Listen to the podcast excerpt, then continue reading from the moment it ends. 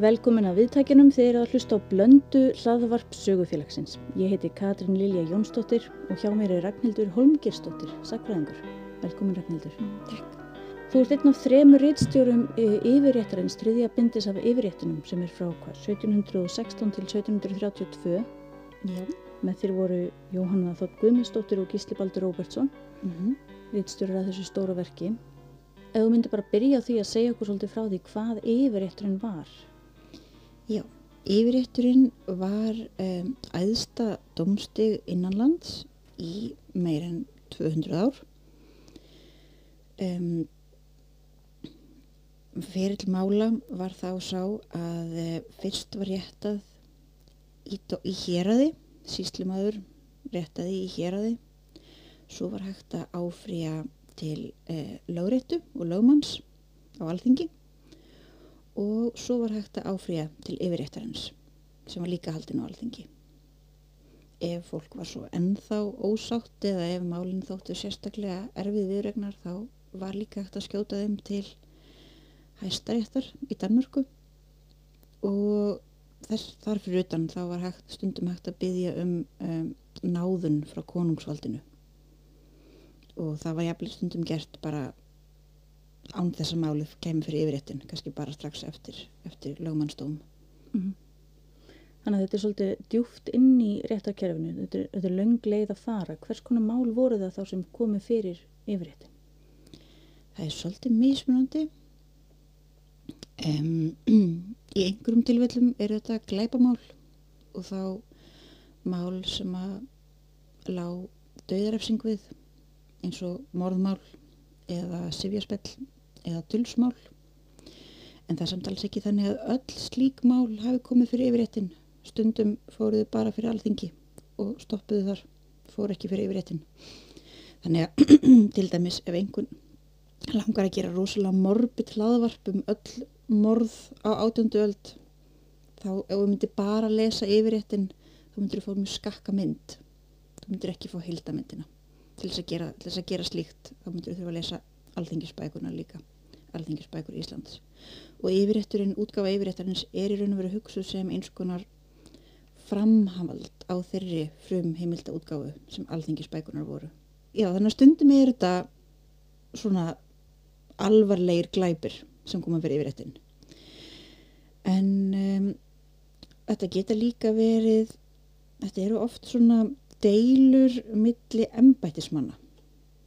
Og jafnvel þó að kannski sé grundvallar, dóm, dómsmálinn sem líka til grundvallar kannski eitthvað glæpamál þá er samt, þegar það búið áfræði svona, áfræði svona oft þá er kannski, er það oft út af því að það eru kannski komnar fram einhverjar ásakanir um að það hefði skort eitthvað upp á í héræði, á málsmeðferð í héræði, á rannsókn eða dómin og þá er kannski stundum jafnvel farið að þá er orðin svolítið stóri hlutir í húfi fyrir fleiri heldur en fólki sem átti þátt í upphalað dómsmálinu þá jafnvel getur eitthvað varðað við embættismissi Mm -hmm. Er ykkur dæmi um þetta í, í þriðja bindinu? í þriðabindinu. Mm, já, það er embættismissir en það er vísu ekki út af lélari eh, ekki út af eh, embættis afglöpum beinlinis um, það er út af fölsuðu skjali það var lagt fyrir yfirréttin og það er brentað útgáfinni er skjal sem að eh, komst upp á sínum tíma að væri falsað. Um, það komst fekst þeirra aldrei almennilega botni í það hver falsaði það. Mm. þannig að fólk getur skemmt sér við að reyna að leysa þessa gömlu gátu. Hver hafi falsað þetta skjál og af hverju? Af því að það, það er þetta er í raun og veru þetta er skjál sem átt að verða til það segir ekkert sem að var ekki búist við því að skjálið myndi segja þannig að það, það, það er mjög dölufullt af hverju þetta skjál var falsað en um, það mistu tveir síslumenn embættið, annar þeirra fekk það reyndar aftur síðar en ekki fyrir en eftir mjög, mjög mikið stapp. Mm Þetta er þriðja bindi í þessum flokki Já. og áður hafa eins og þú sagðir áðan komið út alþingisbækur Íslands. Hvað eiga yfirréttabækunar að verða mörg bindi? Mm, það er- verður verða líklega tíu. Og um, já, þannig að það er töluvert eftir, það er töluvert eftir. En það er svona sérstætt að lesa þeirra því að þetta er svolítið mikið sama fólkið eða sömu kallanir sem eru í yfirréttunum og stundum er sem að fái bara svolítið svona glugga inn í þeirra æfisögu sumar eftir sumar þá eru þeir með eitthvað vesen við yfirréttin mm, rífast um sömu hlutina kannski eða? Mm, Já, sömu hlutina stundum. Uh, en svo getur líka bara verið mjög sláandi hvað eru duglegir að finna nýja hluti. Þetta er náttúrulega dýrmættar heimildir sem er verið að gera svolítið aðgengilegri núna með Mhm. þessari útgáfu.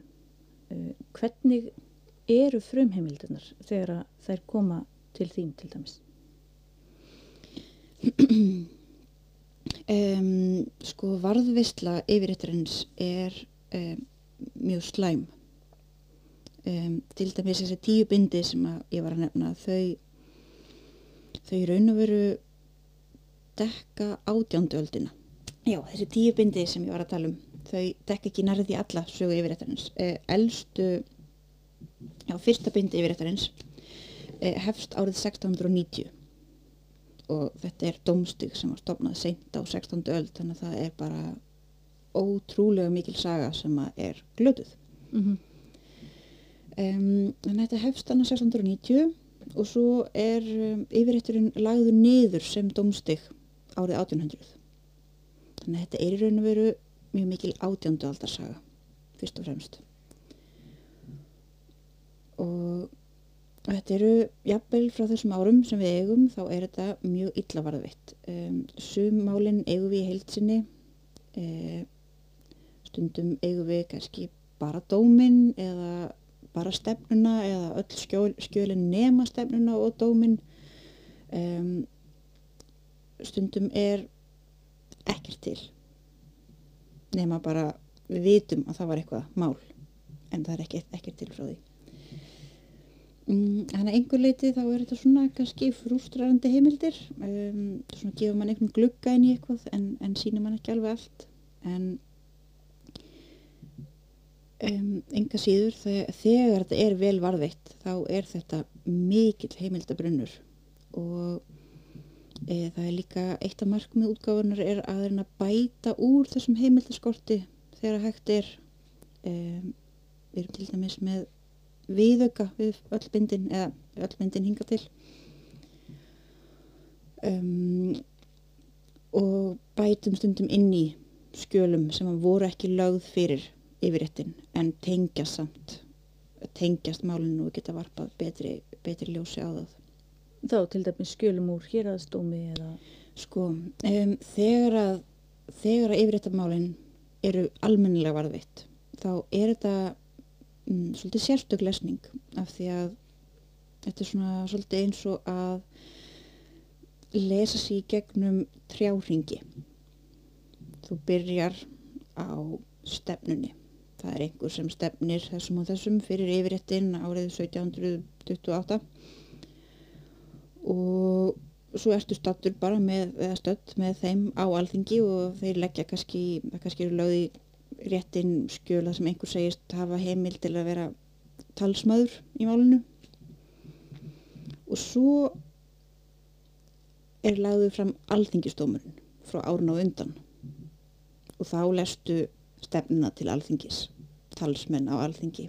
Eh, og svo ertu komin svo í, alþingistó, í alþingistómunum eru lagður fram, lagður fram héraskjölin og þá kannski lestu stefnuna í héraði og, og svo framvegis. Þannig að þú einhvern veginn svona lestið í gegnum gegnum málið, gegnum yfirréttin alþingi, héraði og svo kannski eitthvað í miðjunni þá ertu komin í kjarnan og þá eru kannski til dæmis vittnaleðslur í héraði eða einhver svona, einhverja skýrslur áverka skýrslur til dæmis. Um, og svo lestu þið gegnum, gegnum það og þá lestu dómin í héraði og þá ertu komin aftur á alþingi og lest kannski varnarskjál eða sóknarskjál og svo alþingistómin og svo ertu komin í gegnum það þá ertu komin lóksins aftur í yfirréttin ist í trjáringnum og lest þá skjölinn sem að verjandi og sækjandi lögðu fyrir og svo yfirréttardómin þannig að þannig er þetta þegar þetta er velvarðvitt og þá ertu með öll gagnin uh, bara allt og líka úr héræði en stundum þá er kannski sem ég segi ekkert varveitt nema dómurinn eða stefnan eða umbúð talsmanns. Og það getur náttúrulega verið eins og ég segi, aldrei svekkjandi. Og í einhverjum tilvikum þá eru til þessi héraskjöl sem voru lögð fyrir yfirréttin. Við vitum að þau voru lögð fyrir við bara eigum ekki skjölin. Mhm.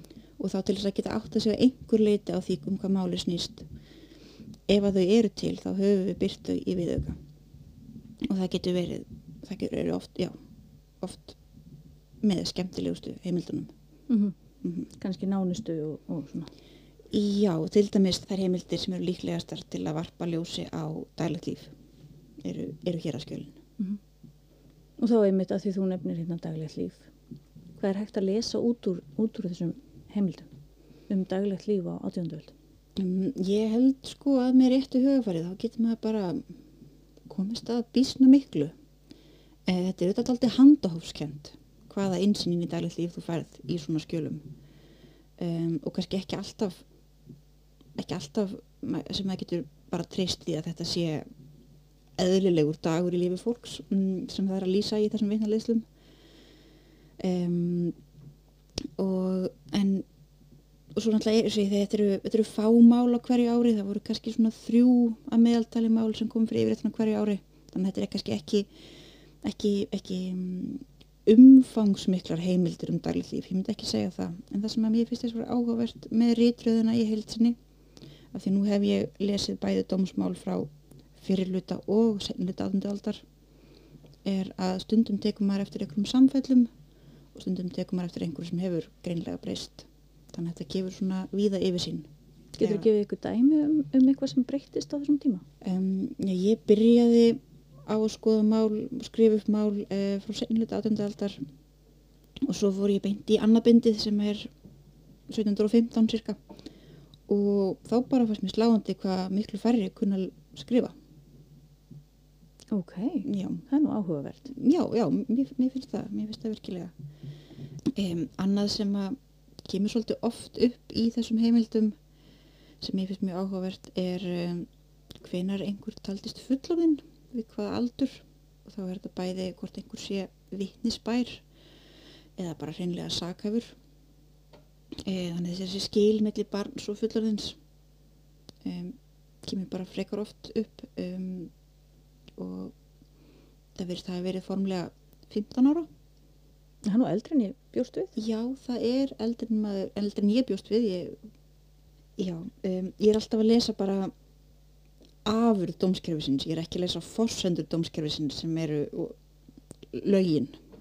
En, en fólk, fólk þetta, þetta er bara mjög skýrt. Þetta var 15 ára en stundum er fólk að kvarta undan því að einhver sem sé ný orðin 15 ára eigi að vitna annarkvort og það sé ekki á þetta þessi börn treystandi eða þá að það sé verið að gera of miklar kröfur til þeirra.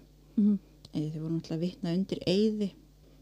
Uh, þú starfaði líka við uh, annaðbindið já, og uh, hefur það kannski svolítið góða sín yfir, yfir þessa átjöndu öld sem er þegar komin í yfirréttabindin.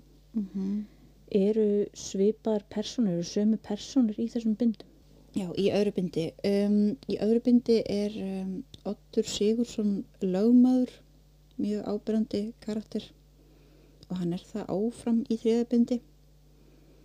En svo tekum maður eftir í svona af því þetta er náttúrulega ekki þema skiptar bækur að hann, hann svona hverfur um miðbyggið þá er hans e, þá eru hans dýrðar dagar nokkun veginn á enda. Var hann litrík persóna? e, hann var gífurlega litrik persóna ákálega litrik persóna. Um, og hann, hann skrifaði svo mikið og hann maður mað fær svo, mik- svo, svo stóra mynd af honum. Og meðan til dæmis höfðu anstæðingur hans í þriðabindi sem hétt var síslumæður uh, af dönskum ættum sem hétt Jóhann Kristoffer Gottrúp að hann, þeir eru í þessar deilu, eru í þessar deilu við hvern annan en það eru það eru bæði sko leggur Ottur fram gögn í fyrstu personu og svo eru lýsingar vitna á hegðun hans þannig að maður fær mjög skýra mynd af Otti á meðan að andstæðingur hans Jóhann Kristoffer er næstum því bara ósynilegur í þessu bindi. Hann er vissu daldi meira áberendi í næsta bindi, í fjórðabindi. En hvernig koma þá personur, uh, þessir, þessir menn sem að störfuðu við yfirréttin, hvernig komu þeir þér fyrir sjónir í gegnum heimildunar, í gegnum textan? Um, þetta er náttúrulega svo tilvílina kent sko, hvort, þeir, hvort maður fá einhverja myndaði með ekki. E, Sumi menn voru þannig ára eftir ár en, en skilja bara eftir sig næstum því ekkert nema nafnið eitt í, í þessum skjölum á meðan að aðrir verða ákaflega fyrirferðarmiklir eins og átur. Um, og stundum er það tilviljun sko, hvort er hvort þeir fá einhverjum hlutverkum skipaðir sem sækjandi eða verjandi eða eitthvað, eitthvað glæpamál sem er rétt við í hér að þið koma fyrir yfirréttin. Og svo stundum er það ekki tilvílin að þeir séu þannig um, og um, það er svona það geta það getur orðið mjög svona menn sem að kunna ákaflega illa við hvern annan. Um, kemur mjög illa saman. Um, lýsa jafnvelið yfir uh, ofinbörum fjandskap og um, já, eru bara svona þetta eru svona þetta eru bitrustu og erfiðustu deilur þessara ára sem eru í þessu bindi. Þannig að það eru mjög svona miklar tilfinningar og stundum mikil gífur er þið en sko, svo er þetta mismunandi sko, stundum lögðu þessi menn fram eh, skrifið innlegg og stundum lögðu þeir bara töluðu þeir bara. Og það var þá sem þeir letu mestu hvað heita glósur, gluffer og, og svo framvegis að koma, já, einhver svona eitthvað sem að nextlaði viðstanda mjög mikið. Og þá verður þetta ekki fram að þessu sektaðir.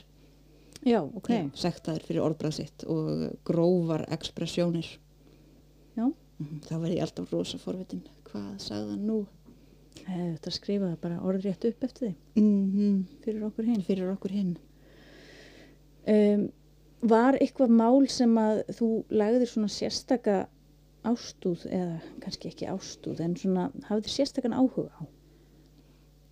Mm, það er það er það eru, sko það er náttúrulega þetta eru alltaf áhugaverð mál liggum við með að segja, það er eitt mál í fjórðabindi sem er ekki áhugavert en hinga til hefur mér eiginlega alltaf, eins og í þriðabindi það er ekkert mál sem ég veist ekki áhugavert. Hins vegar þá eru þau mörg í þriðabindi mjög illa varðveitt.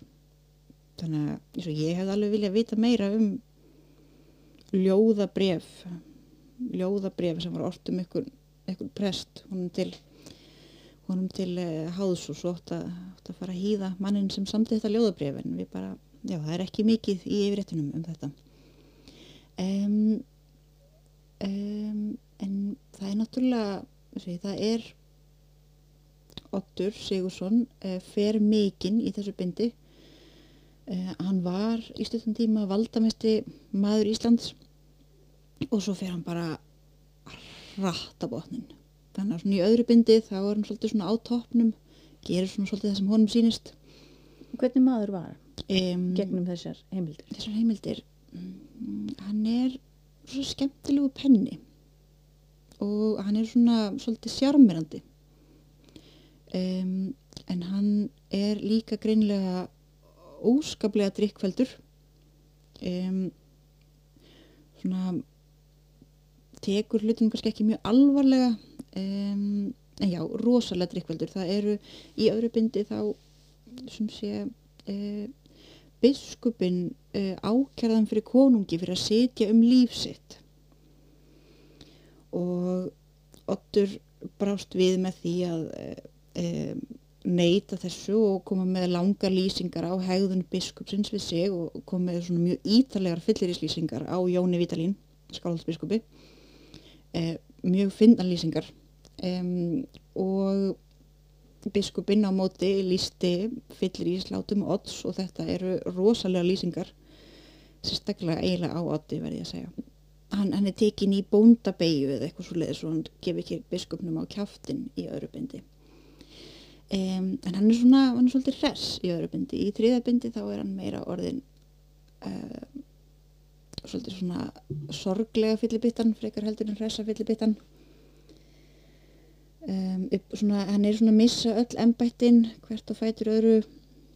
Um, hann mætir fyrir rétt í Ingjaldshólskirkju hann mætir fyrir héraðsrétt. Mm -hmm. um, það sem að Jóhann Gottrúp var að sinna síslumannstörfum sínum og hann er bara með eitthvað svona dólg.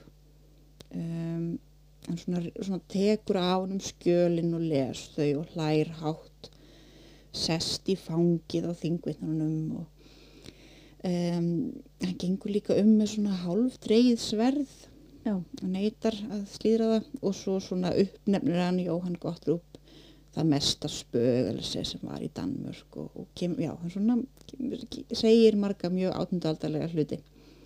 Er mjög reyður uh, og mjög drukkin uh, og svo er hann hend út úr kirkjunni og honum og fylgismönnum hans uh, það þarf svo tilstaklega svona skrautlega lýsingur á einum þegar hann Pál Gunnarsson hann er svona dregin út og hann svona grípur í bekkin einhvern veginn.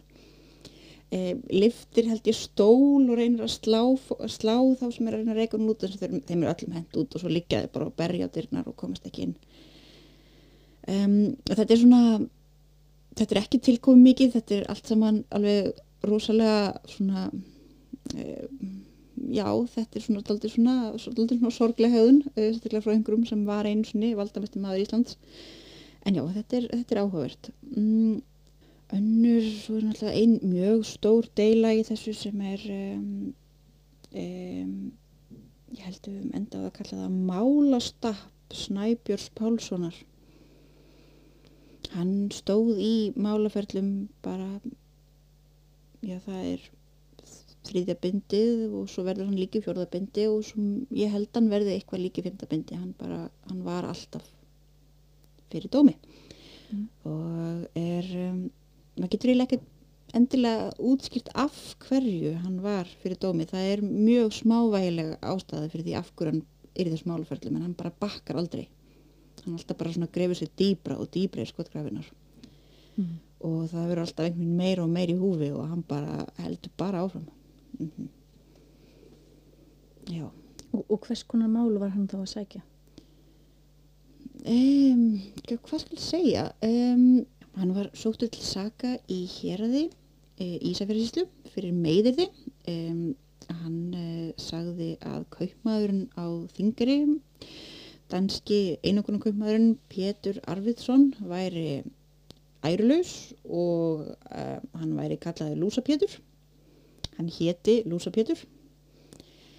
Um, og um, svo fann svolítið þess uh, kaupmaðurinn fór í mál við hann út af þessu og hann svona hvorki játaði því nýja neitaði því hann bara neitaði að ræða málið af því á þeim grundvelli að annað vittni kaupmannsins væri sjálft ærulust um, hann ætlaði að sanna æruleysi á þetta vittni og vandamálu af því að á áttundu öll til þess að geta sannað eitthvað löglega þá þurftur við tvö vittni og þau þurftu að vera tröstvikjandi þau þurftu að vera tröstinsverð og um, hitt annað vittni kaupmannsins var síslumadurinn í Ísafjörðarsíslu Mm. mm og það var þá kallaði til síslumadurinn í Strandarsíslu sem hétt Ormur Daðason og hann átt að rétta í þessu.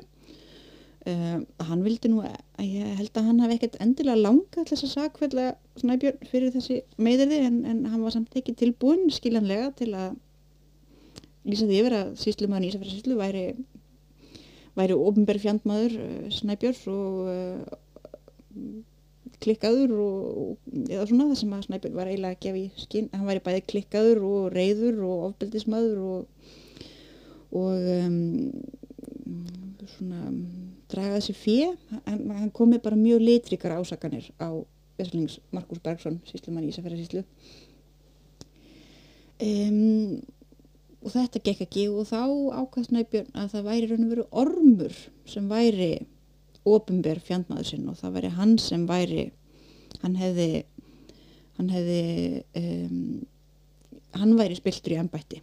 Hann hefði skrifað niður allt sem vittnin sögðu sér til skada og ekkert sem þau sögðu sér, já, komið komi mjög alvarlegar ásakanir og ef hann hefði getað sannað þessar ásakanir það hefði bæði Markus og Ormur mist embættin Þannig að það er mikið í húfi í þessum málum. það er mjög mikið í húfi þó að þetta sé í aðra rundina allt saman fullkomlega tilgangslust e, og, og, og svona ína, lúsa pétur, ok, allt í leið Þetta er, þetta er grófum mögun, þetta? Um, ég veit ekki alveg hvort það var beinlinis sko, þetta með lísnar sem fór fyrir brjóstið á Pétri eða þetta hann verið sagður ærulaus því það var, þú, eins og maður sér bara ef maður les dómskjöl frá átundöld það var það mjög alvarlegt og ef þú neytaðir því ekki að vera ærulaus þá varstu búin að samþykja að þú væri ærulaus og þá til dæmis varstu búin að missa ákveðin samfélagsréttindi eins og það að það veri hægt að taka markaðir fyrir dómi Mm -hmm. mm -hmm. þannig að svona bara snæpun ítir einhvern bolt á stað og boltin byrjar að rúla og snæpun bara ítir og ítir og ítir og hann svona leðist liður alltaf meira utan á sig En þú hefur nefnt við mig uh, Þorstein nokkur. Já um, Þorstein Jónsson. Um, hinn hin dölufulli maður Þorstein Jónsson. Það er dómsmál sem að það er eitt af svona illa varðveittum málunum í þriðabendinu það er það er maður það er prestur á Suðunisjum sem að er í máli við mann sem heitir Þorstein Jónsson því hann hefur stólið peningum af stjúpöður prestsins. Og við sjáum engin við sjáum og verið ekki það er engin, gögn, það er engin svona grunngögn yfir þetta málinu en það eru nokkur innlegg á milli þessa prests og svo verjanda Þorstein Jónssonar sem var engin annar en Páll Vítalín sem var löglarðasti maður á landinu og um, ákaflega fín maður á mælikværa aðundaldarinnar um, og það er mikil beturð í þessum innlegjum uh, og mikil pyrringur á báðu bóa og ég bara las þetta og ég sagði hvað hva gekk þannig á? Og hvað hva er Páll Vítalín að verja þennan Þorsten Jónsson með einhver, maður í veri? Hann, hann, hann er greinilega, í, greinilega sjómaður og vinnumadur svo var þetta einhvern veginn af söðunisum en, en Þorsten viðst búa á Snæfellsnesi þegar málu kom upp en ég var eitthvað svona hvað hva, hva kom þetta og hvað ger, hva gerist hérna? En ekkert að þú veit um þetta. En og, já, þjófnaðamál eru ekki algeng fyrir yfirréttunum þau eru, eru ekki það eru svona mál sem voru mjög algeng á Íslandi en, koma ekki oft fyrir yfirréttun en svo um, fóru hinri tjóranir í að leita í héraskoknunum og fundu þjófnaðamál Þorsten Jónssonar. Um, og mér finnst þetta bara að vera ótrúlegu maður hann Þorsten um, svona glumgósi hann var glumgósi Mm -hmm. um, og ég ég get ekki lesið þessar heimildir og komist að annari neyðustöðum því að, að hann hafi stólið þessum peningum. Um, það var aldrei, hann játaði aldrei og það var kannski, já en fólk bara getur lesið þetta og komist að einu neyðustöðu um, þessi stjúp fadir, prestins, átti svolítið peningum, þetta var aldrei að maður en átti ekkert mjög mikið af peningum hann þekkti alla skildingana í sjón. Já, já, ok. gat líst einhverjum svona lýsisblettum og, og, og hvernig mynd þetta hefði verið og hvað hún hefði verið slegin og, og já, bara þetta voru góður vinnur hans og hann hefur verið að spara fyrir einhverju sérstöku. Um, um, og Þorstein, það var, fannst eitthvað vitni um það að hann hefði aldrei átt neitt pening, hann, ég held hann hafi verið um, þannig í veri á Suðunisjum, hann var í vist hjá einhverjum kotbónda í Rangróvallasíslu held ég. Um, en allt í einu þá á hann fullt af pening og fer á rosalegt fyllir í býður öllu með sér. Hann er rosa duglegur að tipsa eða það eru kannski eitthvað svona börn sem opna fyrir hann hlið, þetta er svo Emil Katholt eða eitthvað og hann gefur þeim öllum svona smá skilding og þau fylgja hann á milli bæja svo hann drukna ekki ykkur um læk og hann er bara tipsað takk fyrir fylgdina og já, þannig að hann bara svona gefur svona krökkum um, svona, já, peninga Já. og um, kaupir sér rosa mikið áfengi og hann vil líka tipsa hann, í, hann býr hjá einhverju búðarfólki hann vil líka tipsa húsfreyjuna því að hún, hann er að valdinu ónæðum nótt hann er rosa svona grand á því. Um, og svo bara kemur presturinn, hann er bara eldir þessa döggutulega peningaslóð af peningum sem að stjúpfæður hans þekkir. Um, er mættu bara með vitni og er tilbúin bara að grípur þóstein skel þunnan í bólinu. En e, þóstein bara já ef þú ert ekki með stefnu þá verður þú bara að fara og presturinn fer til að búa til stefnu og þóstein stingur af Já, mm og var hann lengi á flótta? E, já, um, neða hann svona fór svona fram og tilbaka um sumarið minn, hann var rosa snöggur, hann fór bara í húnavarsíslu frá Suðunisjum, hitti Pál Vítalín og græjaði þetta. Bara komin með sinn verjanda sem er bara rockstjarna í íslenskri sögu, Já, Pál Vítalín. mhm. Já, greinlega mjög samfærandi, hann Þorstein, ég botni ekki alveg í þessu, hann var, hafði líka fengið alla svona stöndugustu menn til þess að lána sér fullt af pening meðan hann var þannig veri. Þegar á endanum þegar að það er verið að gera upp hvað hann eigi þannig skuldum og eignum Mhm. þá, þá er það mjög litlar eignir og töluverða skuldir hjá hinum og þessum um, og það er líka og svo er leitað uppi um, er leitað uppi um, vitni á flótta hans. Því hann held í framsegna, hann mætti aftur í hér og bara flótta, nei, ég bara átti erindi. Já, já, mm einmitt. en um, það er fundin einhver kona sem hafi skotið við hann skjálfshúsi og hún þekkt hann ekki fyrst þegar, hann, þegar hún hitt hann af því að hann var svo illa til fara og hún var vön því að hann væri með parruk og fingurhandsal sem sé hárkollu og innsiklisring já, en er þarna núna um, alls laus og á ekki einu svona skó til skiptana og hún svona gefur hún skó og það góðið hann. Um, mjög svona viðkunnilegt vitni mjög svona skemmtileg rödd í heimildunum þessi kona. Guðrún Beinirsdóttir um, já og hann er bara svo rosalega hortugur. Hann bæðir svo sem talar fyrir rétti og leggur eitthvað bara kannast ekki við neitt og gæti ég, fyrst við getum ekki klárað þetta núna þá þarf ég eiginlega að skreppa austur af því að ég heyri að mér sér þar barnkent og ég þarf að ná mínum kristilegum fríheitum hann er bara, hann er bara svo slagur og um, já e, hann hefur þó gerist mjög viðförull. já, hann, ég held hann hafi sko mín kenn, sko er hann sko svo er hann að segja eitthvað, já ég var átti þessa peninga og ég fekk þennan pening á Östfjörðum og ég fekk þennan pening í Vestmannegjum og ég fekk þennan pening í Skaftafellsíslu en svona auðvitað, uh, ef þú ætlar að ef þú ætlar að áttundu öld að um, e, svona e, hilma yfir þýfi þá þurftur að segja að þú hefur fengið það hjá einhverjum sem var það langt í burtu að það var ekki hægt að spurja eiginlega, það var ekki hægt að tekka Aha. það var ekki hægt að afsanna þetta. En það samt þurfti að hljóma náttúrulega trúverðulega og hann nefnir bara mjög sett, hann nefnir fólk sem að já, hann virðist kannast við. Mér finnst alveg líklega að hann hafi kannski verið frá austfjörðum um, hafi þá bara verið komin þvert yfir landið og svo aftur yfir í Húnavarsíslu og svo tilbaka og þetta er, já, þetta eru, þetta eru heimildir um bara rosalegan mann einn rosalegan mann Já, Mhm. sem á einum tíma punkti var með parruk. var með parruk og fingur hansal og að róa til sjós Já. mm Það er allavega alveg örugt að þetta eru mikilvægir heimildir sem eru núna loksins orðnar aðgengilegar almenningi. Já, og í bara svona miklum smáatriðum. Það eru svona, sko, alþingisbækunar eru svo skemmtilegar en það er svolítið eins og maður sé bara svona rétt svona, oft eins og maður sé bara svona rétt svo dreipa á yfirborðinu. Mm -hmm. Þegar að yfirréttamálin eru vel varðvitt, þá ferðu bara djúft og niður.